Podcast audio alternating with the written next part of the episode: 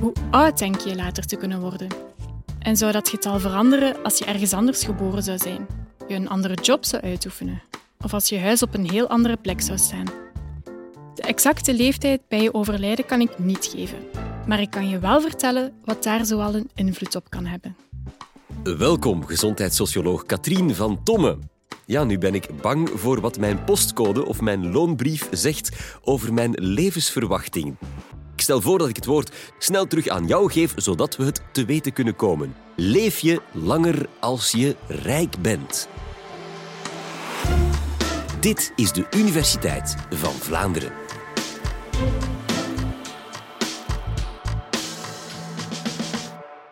Als gezondheidssociologe ben ik heel erg bezig met ongelijkheid in gezondheid. En de vraag die ik mij daarbij stel is: waarom worden sommige groepen in de samenleving ziek en andere niet?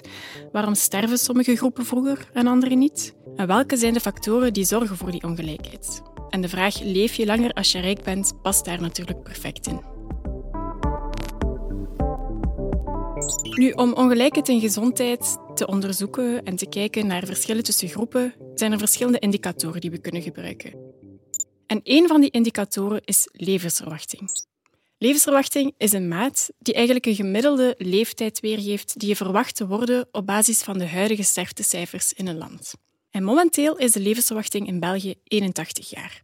Nu, om dat cijfer even te kaderen, zo'n 150 jaar geleden, in 1870, was die levensverwachting nog maar 41 jaar. Dus op zo'n 150 jaar tijd is onze levensverwachting verdubbeld, wat toch een spectaculaire vooruitgang is. Nu, wat zijn die redenen voor die stijging in levensverwachting? Er zijn eigenlijk drie belangrijke factoren die daarbij een rol spelen. Ten eerste zijn onze leef- en werkomstandigheden enorm verbeterd en hygiënischer geworden. Onze levensstandaard is er enorm op vooruit gegaan. Nu, om je een beeld te vormen, 1870, dan situeren we ons ongeveer in de tijd van de film Daans. Wat is er gebeurd? Doodgevroren, meneer Pastoor. Voel maar eens. En dat is alle dagen hetzelfde. De boeren die de kinderen vinden, brengen ze allemaal naar hier. In plaats van ze zelf in de grond te steken. En als je die levensstandaard vergelijkt met de onze, dan zie je wel dat die er enorm op verbeterd is. Het zijn gooiwerkers. Allemaal. Ze staan met de nacht. Gaan die dan nooit naar school? Jawel, de twee kleinste wel, ja. Soms. De anderen gaan naar de fabriek. Een tweede reden waarom die levensverwachting zo naar omhoog is gegaan, is de medische vooruitgang. Ziektes waar we vroeger aan stierven, kunnen nu perfect behandeld worden en leiden nu dus niet meer tot de dood. Ten tijde van Daans was bijvoorbeeld de sterfte in het kraambed heel hoog, zowel voor de mama als voor de baby. En dit is nu gelukkig niet meer het geval. En het is ook die hoge zuigelingensterfte die de levensverwachting naar beneden trok, want levensverwachting is een gemiddelde maat voor de volledige samenleving. Ten derde, en dat hangt samen met het vorige puntje, is er een verandering in sterftepatroon. Vroeger stierven mensen vaker aan infectieziekten, zoals cholera of tuberculose. En dit is nu niet meer het geval. Nu hebben we die ziektes perfect onder controle met medicatie. En momenteel zien we eigenlijk dat mensen voornamelijk sterven aan man-made diseases. Dat zijn ziektes die eigenlijk samenhangen met de levensstijl. Of je rookt, of je drinkt, of je voldoende beweegt, of je een gezonde voeding hebt. Dat zijn factoren die samenhangen met die ziektes. Bekende voorbeelden van man-made diseases zijn bijvoorbeeld uh, cardiovasculaire aandoeningen, zoals uh, hartinfarct, of uh, bepaalde kankers, zoals longkanker. Dus we weten dat er ongelijkheid is in gezondheid en dat die ongelijkheid zowel vroeger, ten tijde van Daans, bestond, als nu. Vroeger, ten tijde van Daans, waren het ook vooral de arbeiders die stierven aan die infectieziektes. En ook nu zien we dat het vooral de lagere socio-economische groepen zijn die vroegtijdig sterven. En die vroegtijdige sterfte is vooral te wijten aan die man-made diseases. Dus die ziektes die samenhangen met onze levensstijl. Dus de lagere socio-economische groepen sterven niet alleen vroeger, maar ze sterven ook aan andere oorzaken. Laten we even teruggaan naar de levensverwachting. Als we kijken naar de levensverwachting in de westerse wereld, in Europa of in Noord-Amerika, dan is die momenteel gemiddeld 79 jaar. Maar als we die bijvoorbeeld vergelijken met de levensverwachting in Afrika, dan zien we dat die maar 63 jaar is. Dus er is daar een grote ongelijkheid in levensverwachting. En ik hoor de kritische luisteraar nu denken, ja, oké, er is ongelijkheid, maar de leven- en werkomstandigheden in die beide continenten zijn ook helemaal anders. En dat is waar. Maar ook binnen België zelf zijn er grote ongelijkheden. Bijvoorbeeld als we kijken naar gewesten. dan zien we dat in Vlaanderen de levensverwachting hoger ligt dan in Brussel en dan in Wallonië. En ook tussen mannen en vrouwen zien we een verschil in levensverwachting. Vrouwen leven gemiddeld 4,5 jaar langer dan mannen. En iemands positie in de maatschappij, iemands positie op de maatschappelijke ladder. Wij sociologen noemen dat socio-economische positie. En we meten dat vaak aan de hand van beroep, opleidingsniveau en inkomen. Wel, iemands positie op de maatschappelijke ladder toont ook een grote ongelijkheid qua gezondheid. Bij vrouwen, de hoogste sociale klasse, zal ik maar zeggen, en de laagste sociale klasse, daartussen is er een verschil van zes jaar levensverwachting. En bij mannen zelfs negen jaar. Dus we weten nu al dat we langer leven en dat er ongelijkheid is in die levensverwachting. Maar belangrijk is ook, brengen we die extra levensjaren door in goede gezondheid? En ook daarvoor bestaat er een indicator, namelijk de gezonde levensverwachting. Die indicator neemt dus niet enkel de duur van je leven of het aantal jaren dat je nog te leven hebt mee, maar ook de kwaliteit van die aantal jaren. Die indicator meet op een bepaalde leeftijd hoeveel jaren je nog in goede gezondheid en zonder gebreken kan doorbrengen. En dat is natuurlijk een heel belangrijke indicator, want ik heb jullie verteld dat we momenteel voornamelijk sterven aan chronische aandoeningen. Dus dat zijn aandoeningen die, ja, waar we lange tijd mee leven. Nu, als we kijken naar die indicator gezonde levensverwachting, dan zien we eigenlijk dat die ongelijkheid nog groter is. Het verschil in gezonde levensverwachting tussen de hoogopgeleide en laagopgeleide is bijvoorbeeld 10 jaar. Hoogopgeleide leven 10 jaar langer in gezonde toestand dan laagopgeleide. Opvallend daarbij is wel, waar ik daar straks sprak van vrouwen leven langer, maar als we kijken naar gezonde levensverwachting zien we dat verschil niet. Dus vrouwen leven wel langer, maar het lijkt alsof ze die extra levensjaren toch wel doorbrengen met een aantal gebreken. Al deze cijfers tonen dus duidelijk aan dat er ongelijkheid is in gezondheid. Of we nu kijken naar gender, leeftijd, regio, opleidingsniveau. En al die factoren noemen we sociale determinanten van gezondheid. Zijn eigenlijk niet-medische factoren die toch een invloed hebben op onze gezondheid. Kort samengevat zijn dat de omstandigheden waarin we geboren worden, opgroeien, leven, werken en oud worden. En je hebt bepaalde aangeboren sociale determinanten van gezondheid, zoals je leeftijd, je gender, je biologisch materiaal. Maar het grootste deel van die sociale determinanten zijn niet aangeboren. Bijvoorbeeld je levensstijl. Je kan zelf kiezen of je rookt, of je veel alcohol gebruikt, of je voldoende beweegt, of je een gezond gewicht hebt. En dat heeft allemaal een invloed op je gezondheid.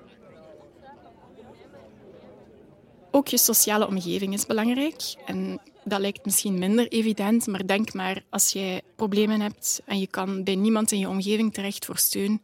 We weten allemaal dat dat een, een nefaste gevolgen heeft voor je gezondheid. En ook je leven- en werkomstandigheden spelen een rol. Woon je in een gezonde buurt, in een buurt met veel groen? Heb je een stresserende job of heb je juist een heel precaire job waarin dat je echt ja, bijna geen controle hebt over wat je mag doen? Dat alles heeft een effect op je gezondheid. Belangrijk daarbij is ook dat al die determinanten verweven zijn met elkaar. Je kan die niet loszien van elkaar.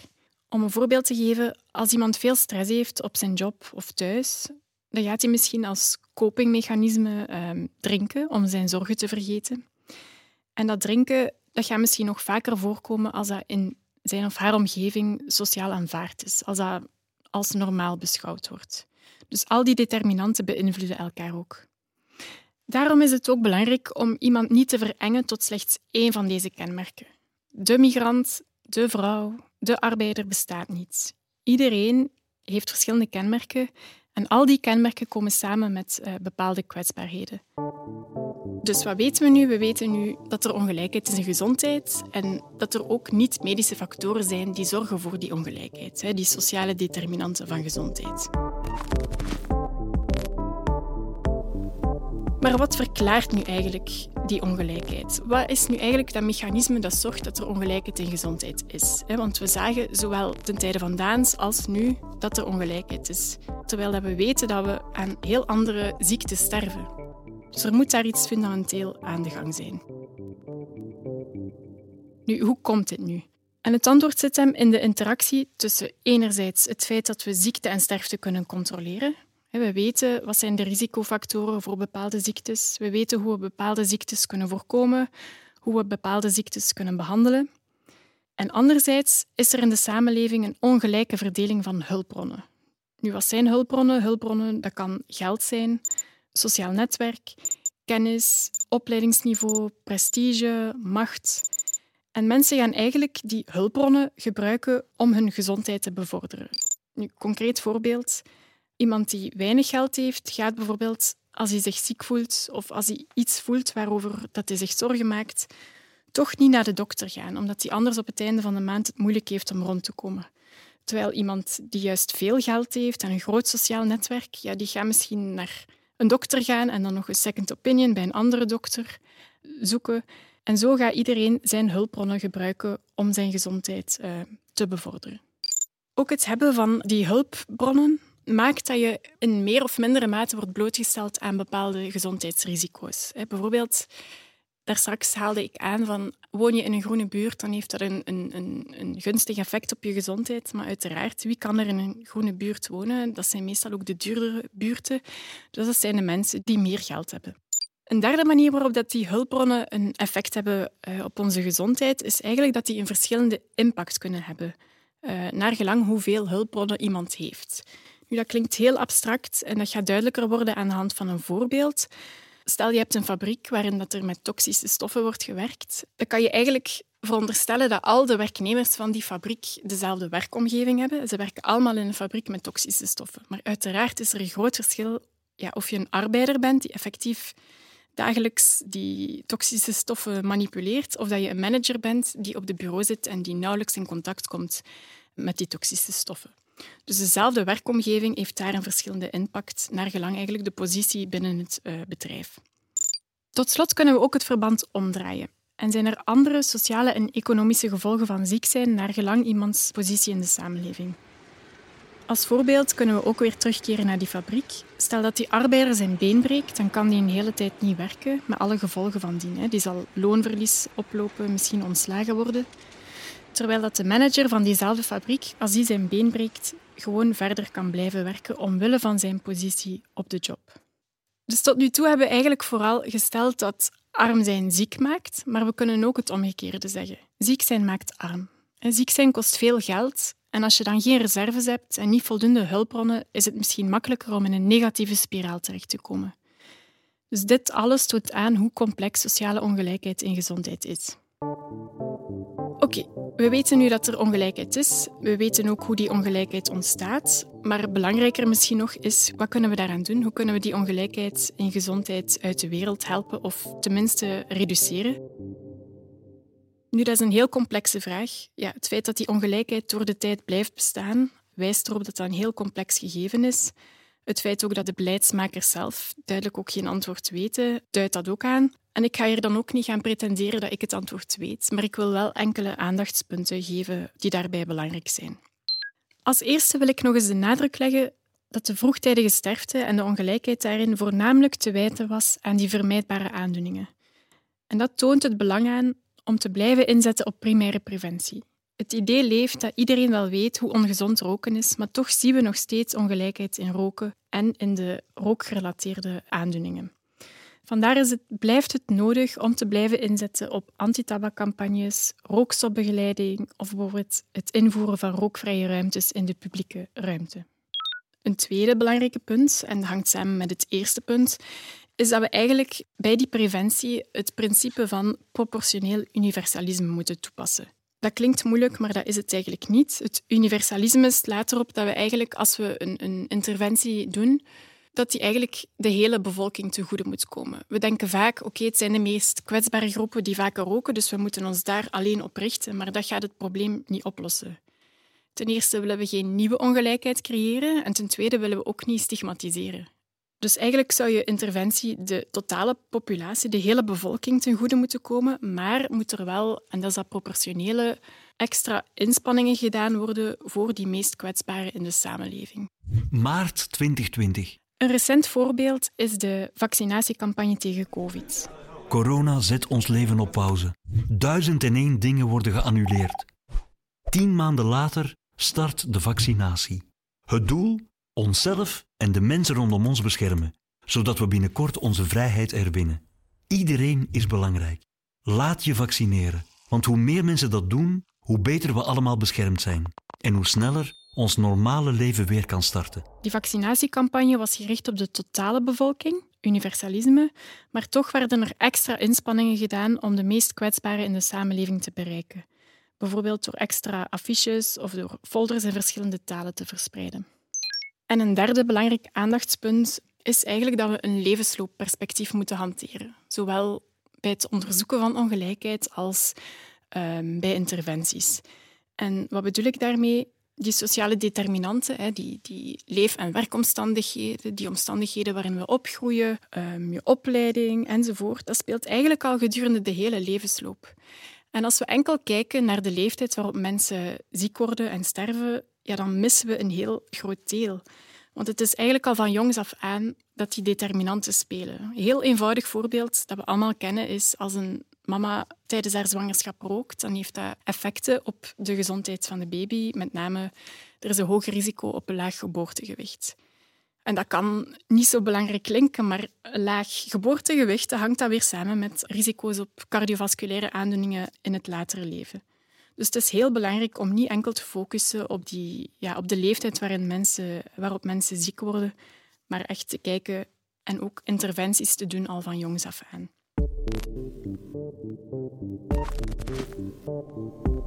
Dus kunnen we concluderen dat je langer leeft als je rijk bent? Ik denk dat het duidelijk is dat het antwoord ja is. En ik hoop dat ik met deze podcast heb aangetoond dat 1. Het probleem van ongelijkheid in gezondheid complex is. 2. Dat al van beide geboorten je latere gezondheid beïnvloed kan worden door allerlei factoren. En daarmee hangt samen 3. Dat het niet per se de schuld is van de meest kwetsbare groepen zelf. Er wordt maar al te vaak kritiek gegeven op de meest kwetsbare groepen. Bijvoorbeeld, waarom eten ze niet gezond? Waarom leven ze niet gezond? Maar gezonde keuzes kosten helaas ook vaak meer geld. En door dat te beseffen, door te beseffen dat iemands levenskansen, levensloop en gezondheid reeds deels bepaald kan worden door waar je wieg staat, laat ons geen andere keuze dan te concluderen dat dit een ultieme vorm van ongelijkheid en onrechtvaardigheid is, die dus blijvend onder de aandacht moet komen en waar blijvend aan gewerkt moet worden.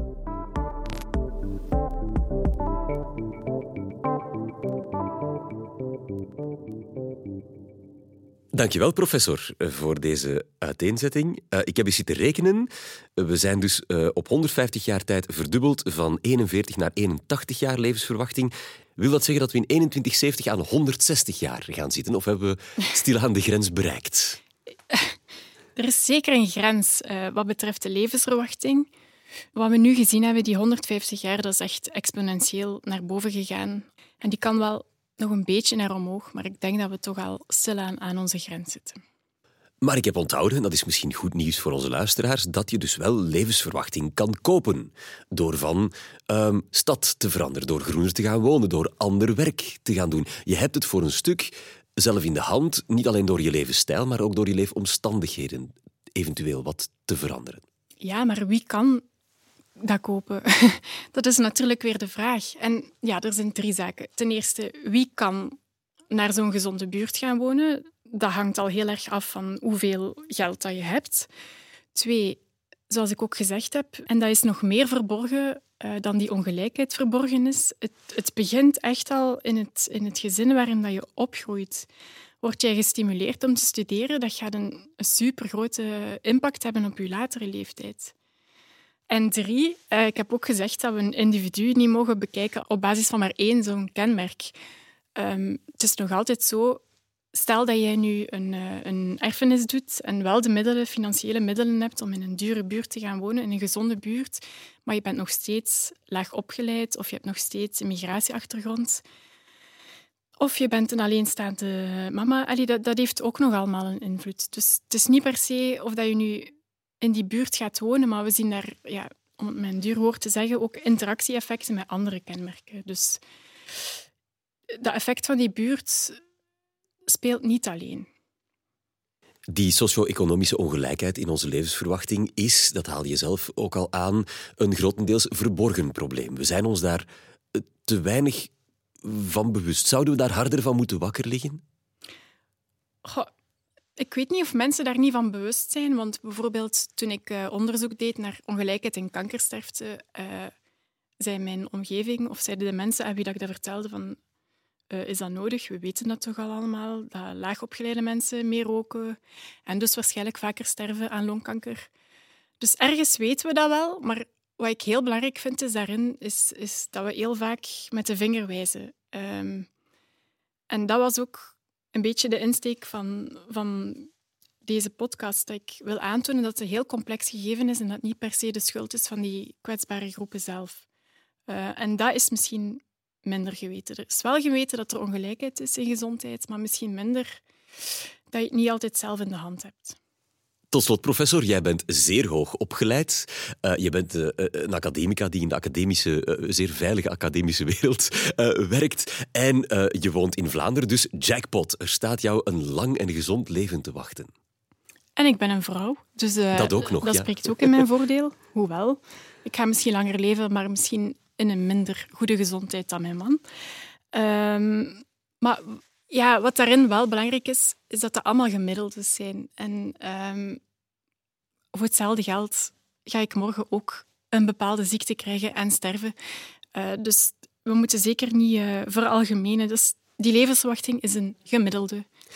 Ik wens jou en al onze luisteraars alleszins een lang en gezond leven toe. Dankjewel, professor Van Tomme. Je leeft langer als je hoog opgeleid bent, dat hebben we geleerd. Dus zet gerust je opleiding aan de Universiteit van Vlaanderen verder met een volgende podcast. Of abonneer je nu meteen op onze nieuwsbrief www.universiteitvanvlaanderen.be. Daar moet je zijn en dan mis je nooit nog een aflevering. Heel graag tot een volgende keer.